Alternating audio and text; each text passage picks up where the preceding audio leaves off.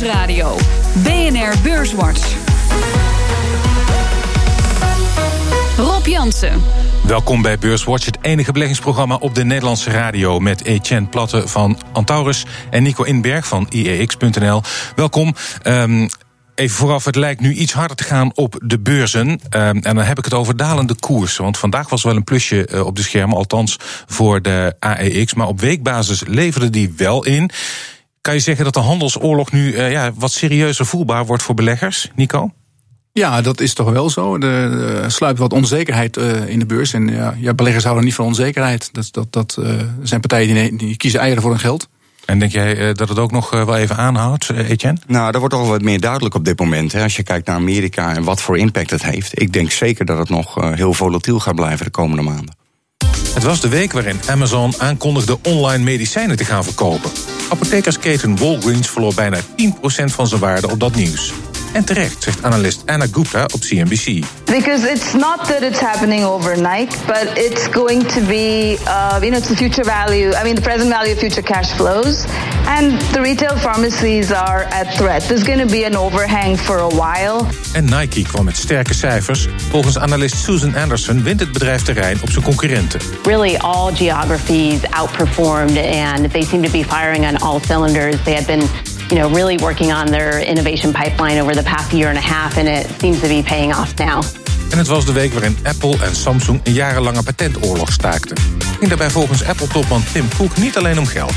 The worst thing in the world that can happen to you if you're an engineer and you've given your life to something is for someone to rip it off and put their name on it. Ja, de irritatie bij Cook gaat om het stelen van intellectueel eigendom. Uh, dat is iets waar de Amerikanen het Chinese ZTE ook van beschuldigen. Dat is een van de grootste producenten van telecomapparatuur, zoals zendmasten voor mobiele telefonie. Um, die strijd is allemaal nog niet gestreden. Lijkt eigenlijk ook wel weer een beetje verhevigd, die, uh, die handelsoorlog. Trump lijkt uh, uit de WTO, de Wereldhandelsorganisatie, te willen uh, stappen. Nico, dat lijkt me geen goed idee en zorgwekkend ook voor beleggers. Ja, ik weet het niet. Kijk, die Amerikanen die zijn, die, die zijn op oorlogspad.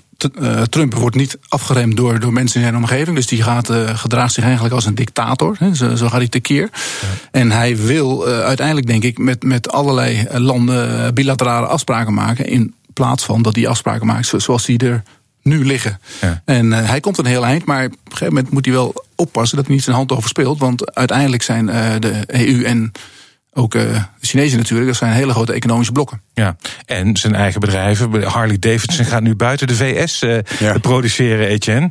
Want uh, ja, zij hebben in feite zijn, eigen achterban heeft last van deze tariefsmaatregelen. nou, als dat gaat doorzetten, dat gaat natuurlijk niet helpen. Want als zij hun, inderdaad hun productie naar het buitenland brengen, ja, dan verliezen we ook de banen in Amerika. Dus ja.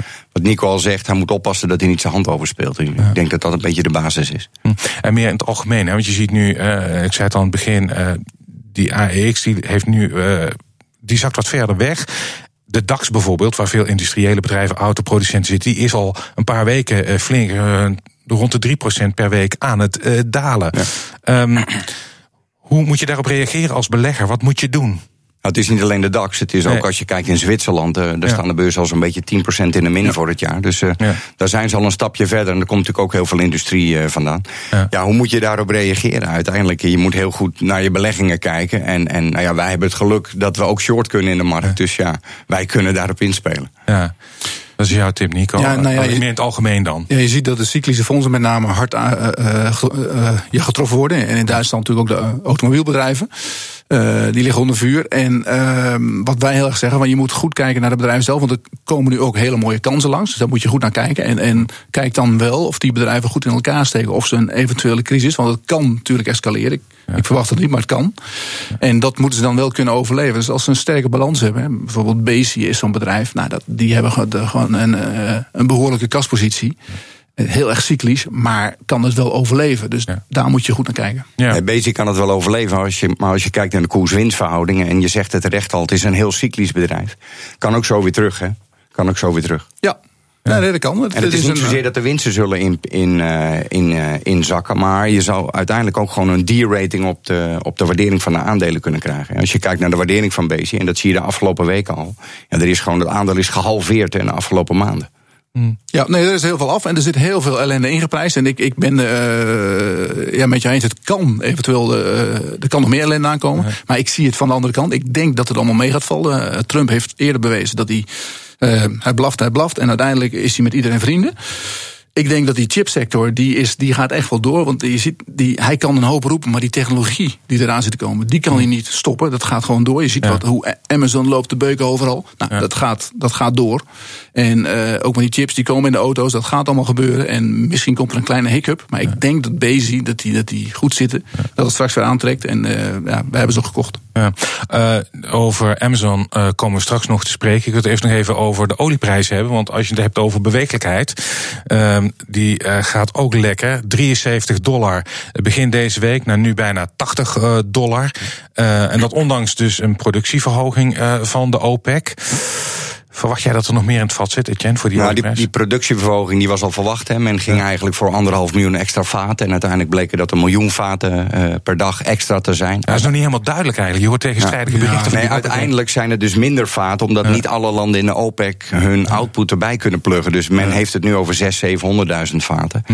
Ja, en dat zie je meteen. En uiteindelijk kom je toch weer terug naar een aantal jaren geleden... waarin echt elke partij, elke oil major is gestopt met zijn CapEx-programma. Met het investeren in nieuwe olievelden. Ja, en het is heel simpel. De doorlooptijd is twee tot vier jaar. Dus ze kunnen nu weer heel hard aan de bak, omdat die olieprijs 50, 60, 70, 80 dollar is. Maar het duurt gewoon twee tot vier jaar voordat alle vergunningen er weer zijn. En voordat die olievelden operationeel zijn. Het is net zoals vroeger bij de tandarts.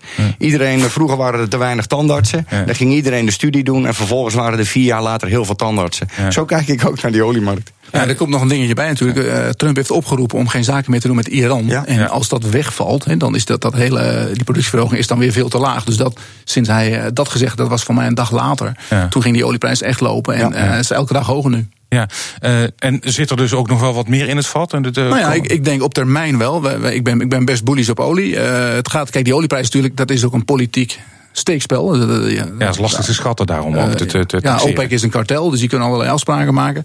Maar ze zich niet aan houden. Maar de, de, dat is heel moeilijk in te schatten. Maar je ziet wel dat de vraag naar olie, die gaat gewoon door. Dat loopt op. Nou, uh, de shells van deze wereld zijn heel erg terughoudend met investeren. Want die gaan eerst even hun zakken vullen. Dat vinden ze wel lekker. En die, die kijken vooral naar dividend uitkeren, dat willen ze. En ja, Shell die wil straks eerst weer eigen aandelen gaan inkopen. En dat investeren, dat stellen ze eigenlijk steeds maar weer een klein beetje. Ja, je ziet het ook aan de Fugro's en de SBM van deze wereld. Die hebben er last van, want er komen maar geen orders los. Ja. Terwijl het wel zou moeten nu. Ja, ja, en jij zegt, Etienne, dat duurt nog even. En dan komt, uh, dan, dan komt dat, uh, dat effect komt later nog wel in de. Het, het, moet weer komen. Maar inderdaad, wij hebben recentelijk weer afgelopen week gesproken met Fugro. En dan hoor je precies hetzelfde verhaal. Iedereen zit eigenlijk in 2017 te wachten op de nieuwe orders. Hmm. Fugro zit natuurlijk vooraan in het traject. Hetzelfde geldt voor SBMO. Maar er valt heel weinig nog dit jaar. Heel weinig. Maar er is wel veel reuring. Er, gebeurt heel veel. Er wordt heel veel gesproken. Uh, ze krijgen heel veel aanvragen voor offertes. Maar die echte beslissing, dat, dat, dat ja. Hm. En dat ligt, dus, dat ligt dus meer eh, aan het feit dat dat lang duurt dan dat de olieprijs nu nog te laag is. Zou die bijvoorbeeld op 90 dollar moeten stijgen? Ja, de olieprijs is hoog genoeg. Dat is hoog genoeg, want ze kunnen met, met 50, 60 volgens mij dollar. Ik weet niet wat vroeger was. Maar ja, daar kunnen ze echt mee uit de voeten, die, die, uh, die oliemaatschappij. Dat is geen enkel een probleem. Maar ze hebben gewoon geen haast, omdat zij uh, hebben er geen last van als die olieprijs straks naar 100 gaat. Ja. En het is ook echt die doorlooptijd. Het is hm. echt die doorlooptijd. Ja. Ik wil naar een hele andere sector, namelijk eh, verzekeringen. Vivat, dat is uh, het vroegere Reaal, waar ook Actiam en Zwitserleven onder vallen. Dat staat in de belangstelling. Opmerkelijk, want het is eigenlijk niet te koop. Het is van het Chinese Anbang. Maar dat verkeert in zwaar uh, weer. En ASR, Egon en Allianz zouden interesse hebben. Um, Nico, denk jij dat Vivat een interessante prooi zou zijn voor een van deze partijen? Ja, zo jij wel. Nou ja, best uh, ja, het gerucht is dat ACR ermee bezig is. Die wil heel graag Vivat erbij nemen. Want uh, hij, hij, heeft gezegd, Jos Baten, abroad is for holidays. Dus ze kunnen alleen in Nederland groeien. Ja. En uh, ja, Vivat is, is een lekker hapje. Alleen, ik denk niet dat die Chinezen het willen verkopen. Nee? Maar goed, dat is, ja, die Chinezen, daar, kan je niet, daar krijg je geen hoogte van natuurlijk. Maar het, het, uh, het zit nu bij de overheid volgens mij. Hè. Die, die hebben daar iemand opgezet die dat in de gaten houdt. Ja. En uh, er wordt wel op gespeculeerd. Maar ik denk dat ze, dat ze het in eigen hand houden. Maar goed, dat moeten we afwachten. Hmm. Hoe kijk jij daar tegenaan, Etienne? Ik, ik denk dat het eruit gaat. Ik denk dat het eruit gaat. Ja, en, ja. en wat er zijn mensen, maar ja, dat zijn altijd de oude beursrumors. er zijn mensen van ASR gesignaleerd in, in China. Dat, is, ja. ik, ik denk dat het er wel, ik denk dat het eraan gaat. En ik denk ook dat de DNB er baat bij heeft. Die, die, die, die gaan het steunen, laat ik het, laat ik het voorzichtig zeggen. Zeker. Die zullen het zeker. ja, en dan heb je ook nog een Egon hoge baas die zegt van ja, wij zouden het eigenlijk wel willen hebben. En nou, hij zei geloof ik dat hij wel toch wel zeer serieus rekening hield met de mogelijkheid dat uh, Vivalt op de markt komt. Ja. En bij wie zou je het dus best in de passen? Of maakt dat niet zo Ja, ik praat voor eigen parochie. We hebben sinds de IPO ASR in de portefeuille. Dus ik ja, dacht, het is een heel mooi hapklaarblokje voor ASR. Zeker als je deze week de tekst ook weer ziet. Um, Generali hebben ze fantastisch goed afgerond, boven verwachting. Dus ze zijn klaar voor het volgende hapje. Maar ja, het is inderdaad wel zo. Egon die zit, uh, zit op het vinkertouw. En Allianz in Duitsland, um, ja, die heeft ook een portefeuille van Egon gekocht. Dus die willen blijkbaar ook wat gaan doen in Nederland. Dus ja, dan zou dit wel een hele mooie stap zijn. Ja. Dus wie het ook krijgt, het, het, het wordt geen koopje meer. Nee. Uh, dus ik denk dat die Chinezen er nog goed uit gaan komen ook. Hmm. En uh, als je dan kijkt naar de verzekeringssector in het algemeen, is dat een interessante sector voor beleggers op dit moment, Nou. Nico? Nou ja, kijk, er is wel wat afgekomen, die, die verzekeringsbedrijven. Ze hebben het uh, afgelopen jaar heel goed gedaan. Toen zat eigenlijk alles mee. En uh, voor dit jaar is het wat anders. Hè. In januari was er veel schade, storm.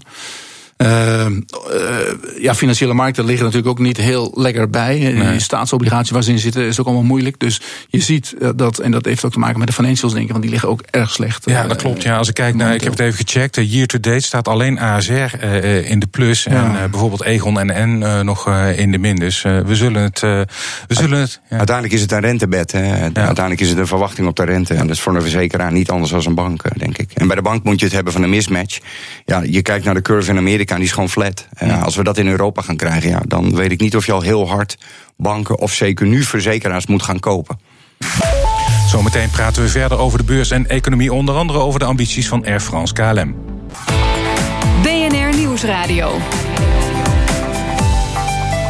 BNR Beurswatch.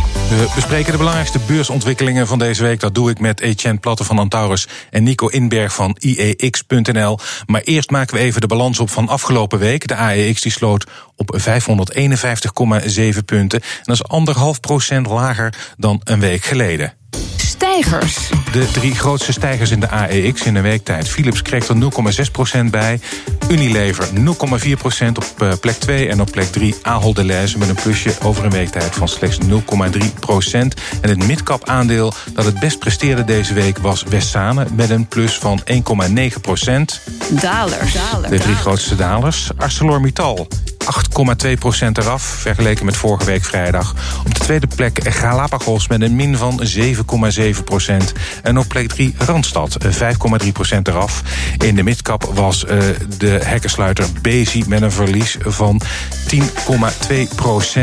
En de AEX is deze week drie van de vijf handelsdagen toch nog hoger gesloten. Um, ja, dat is een opvallende lijst. Bezi weer 10% eraf. De week ervoor, uit mijn blote hoofd, ook al zo'n 11%. Daar vallen wel flinke klappen. Um, Je zal ze maar short zitten. Ja. Oh jee. Ja, ja, goed, het, het, gaat hard en het, uh, het is niet alleen Bezi. Het zijn heel veel cyclische fondsen. Je ziet ook ArcelorMittal. Vind ik, ik vind dat een uh, prachtig bedrijf. Maar ja. ook uh, ja, als die wereldhandel stilvalt. Als er echt een, een, een soort een, koperstaking komt. En ze, ja. ze krijgen een tijdje geen orders. Dat zie je met Bezi heel erg ook. Dan is het wel een, een liability. En daar moet je wel rekening mee houden. Maar uiteindelijk denk ik dat Trump inbindt. Die uiteindelijk vrienden maakt en dat die wereldhandel blijft gaan. Want het economisch gaat het best goed natuurlijk nu. Ja. Um, Air France KLM staat in dit lijstje er niet bij. Hoewel die volgens mij wel een, de grootste daler was Bezi. Maar op de tweede plek in de midcap stond Air France KLM met een min van 9,2 procent. Een jaar geleden was dat geloof ik het goudhaantje. Dat ging als een raket, die koers. Uh, die tijd is voorbij. Um, er is ook nogal wat gaande uh, bij KLM. KLM wil bijvoorbeeld dat het een belangrijkere rol krijgt binnen de holding. Ze maken ook veel meer winst dan Air France. Zou misschien wel goed zijn voor het bedrijf, Etienne, als KLM wat meer te zeggen kreeg. Nee, het zou heel goed zijn, maar ik denk dat ze, dat, dat ze die strijd al verloren hebben sinds de fusie in, ik geloof in 2003. Uh, daar hebben ze lang genoeg de tijd voor gehad. En ik denk, we zijn nu 15 jaar verder. Ik denk ja. niet dat wij uh, daar nog iets te vertellen hebben, hoe negatief dat ook klinkt. Ja. Komt er tegelijkertijd ook, het is een overweging, dat is nog niet echt een besluit, maar er wordt gedacht, Nico, over een prijsstunter. Ze willen ook op de lange afstanden goedkope vluchten gaan doen. Ja. Uh, ze, lopen, ze lopen continu achter de feiten aan. Want dat is, dat, andere partijen hebben het natuurlijk al lang. En ja, zij zien dat ook gebeuren. Maar ze kunnen niet met de prijzen stunten als ze die piloten uh, iedere keer uh, ja, meer moeten verdienen. Dus het begint echt bij de basis. Je moet zorgen dat je een lage kostenbasis hebt. En als zij iedere keer gaan staken en, en, die, die, die buschauffeurs in de lucht meer geld willen. Ja. Ja, dan wordt het een moeilijk verhaal. Dan kan je niet stunten. Zij kunnen op geen enkele manier mee met Ryanair of EasyJet. Als die jongens daar een keer een weekje meelopen, dan zien ze hoe het in elkaar zit. Het is gewoon transport en verder niks. Ja. Je mag hopen dat de Franse staat, die heeft nog 14%, dat die het verkoopt. En, en dat daar gewoon een zakenman aan het roer komt. Dat die uh, politieke spel een beetje afgelopen is daar. Want die, die piloten voelen zich natuurlijk beschermd, zijn natuurlijk semi-ambtenaren. Die voelen zich beschermd. En daar zou iemand eens een keer wat aan moeten doen. En dat is, als dat niet gebeurt, mm. dan blijft het wel een moeilijk verhaal. Want ze verdienen, eh, je kan in deze, de markt is ontzettend goed nu. Je kan heel veel geld verdienen. Ja. En het loopt er gewoon uit aan de achterkant. Ja. Dat is doodzonde. Ja. Als je dan even kijkt naar de sector in zijn algemeenheid, uh, even los van Air France KLM, interessante sector? Nou, er wordt nu goed geld verdiend. Uh, Lufthansa is een, is een heel mooi bedrijf, die doen het heel erg goed.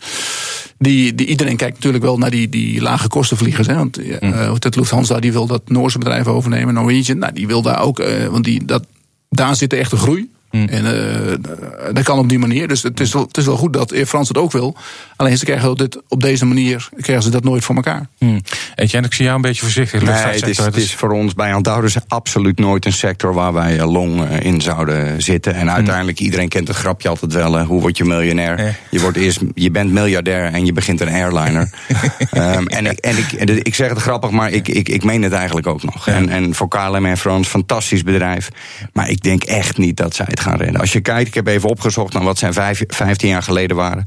Was het echt een top 3 speler in de wereld? Ik denk dat ze nu eigenlijk ja. geen noemenswaardige rol. Eh, buiten een aantal monopolielijnen die ze hebben lopen, geen rol van betekenis spelen. Als ik zie hoe dat gaat bij een EasyJet, bij Ryanair. Dat zit zo strak in elkaar. Het is gewoon transport en verder willen we niet al te veel. Broodje kopen we wel als we op de luchthaven zijn. Ja. Um, wat uh, deze week ook nogal, of gisteren eigenlijk, voor behoorlijk wat opschudding zorgde, was uh, Amazon. Um, ze gaan nu weer eens uh, een stap verder in het, uh, ja, hun hun tentakels breiden steeds verder uit. Ze hebben voor 1 miljard dollar het bedrijf PillPack gekocht. Dat is een online apotheek. En Walgreens, dat is, is nog maar net in de Dow Jones op, opgenomen in plaats voor General Electric. Ja, die verloor daarop flink, zo'n 10 procent. Um, ze gaan nu dus ook pillen verkopen. Eh, aan de honger van eh, Amazon lijkt geen einde te komen, Nico. Nee, maar dat doen ze heel goed. Ze kunnen een kunstje online en dat kunnen ze heel goed. En dat kunnen ze uitbreiden op allerlei sectoren. En uh, dit is een hele mooie markt. Hè. Die, die, die markt is in Amerika, geloof ik, 330 miljard uh, groot. Ja. Nou, daar hebben zij nu nog helemaal niks. Die, die, die, dat pilpack heeft een omzet van 100 miljoen. Maar die hebben wel met Amazon erbij hebben ze de, de, de technologie online. Waardoor ze heel snel, en ze kunnen dat ook in Whole Foods, in die winkels, kunnen ze daar afhaal punten neerzetten. Ja. Dus dat, dat, dat valt heel mooi samen. Ja. En ze gaan echt heel veel omzet afpakken van die andere jongens. Want het is gewoon een ding wat je online heel goed kan doen. Uh, wat, wat ze, ze de mensen die die pillen nodig hebben, we worden natuurlijk steeds ouder, dus de mensen hebben meer pillen nodig. En ze krijgen ze in de juiste dosering ja. geleverd al, heb ik ja, ook gezien. Dat ja, pilpack bundelt dat en dan hebben ze precies op maat een pakketje. Dus dat, is, dat, dat werkt goed.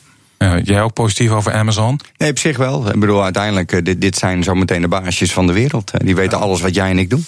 Is dat niet tegelijkertijd ook een uh, risico? Want je hoort ook al geluiden van uh, overheden die zeggen van ja, dit wordt misschien wel te machtig. Want ze doen ook naast bezorgen, naast pillen, naast uh, ja, wat al niet. Uh, streamingdiensten, ze krijgen een macht, met name de achterliggende data natuurlijk. Want dat is eigenlijk hun business. Worden ze niet veel te machtig? Er loopt niet de kans opgesplitst te worden. Dat zijn ze al. Ze zijn al zo gigantisch machtig. Uh, maar de Amerikaanse watchdog, of in ieder geval de, de autoriteiten die dit moeten controleren.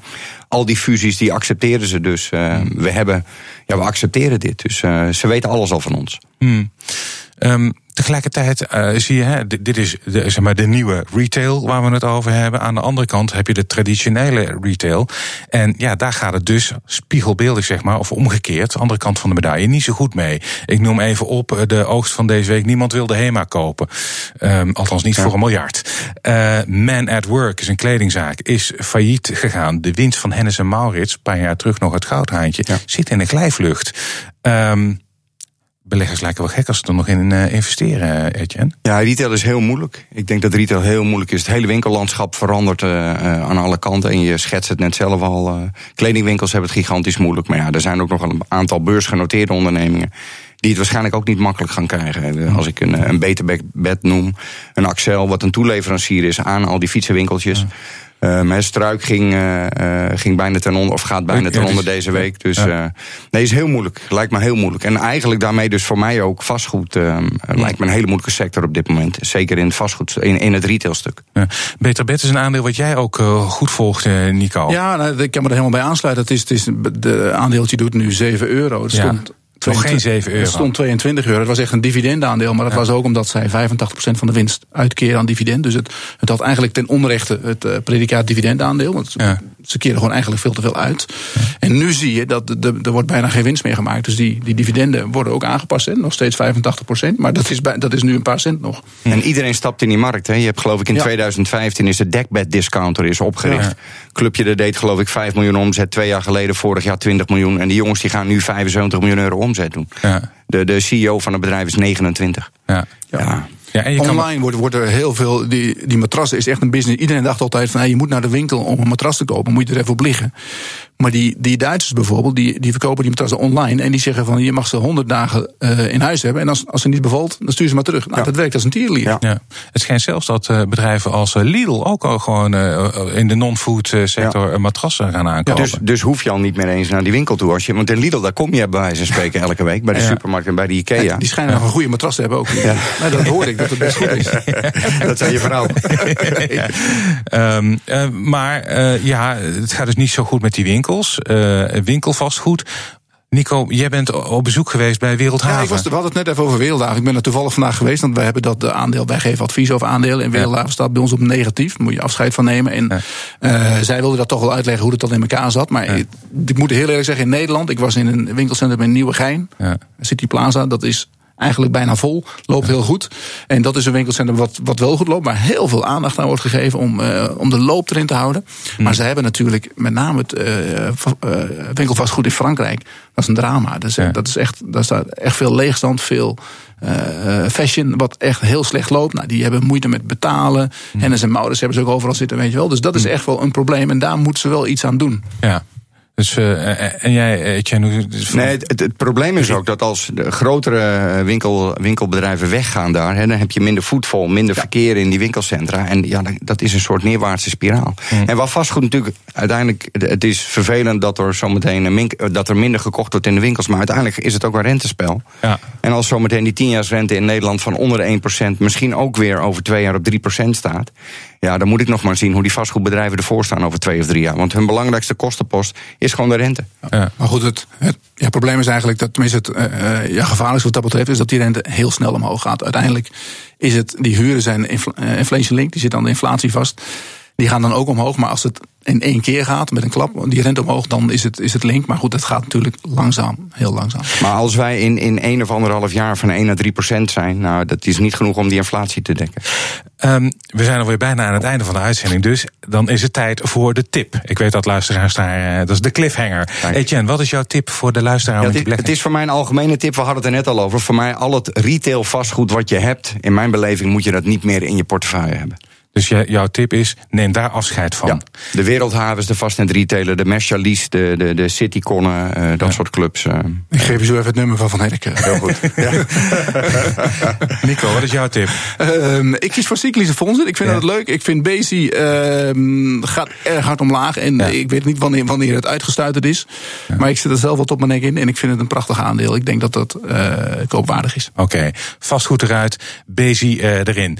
Um, hartelijk dank allebei bij Etienne Platte van Antaurus en Nico Inberg van IEX.nl. Dit was Beurswatch. Terugluisteren, dat kan via de site, de app en uh, iTunes of Spotify. Tot volgende week.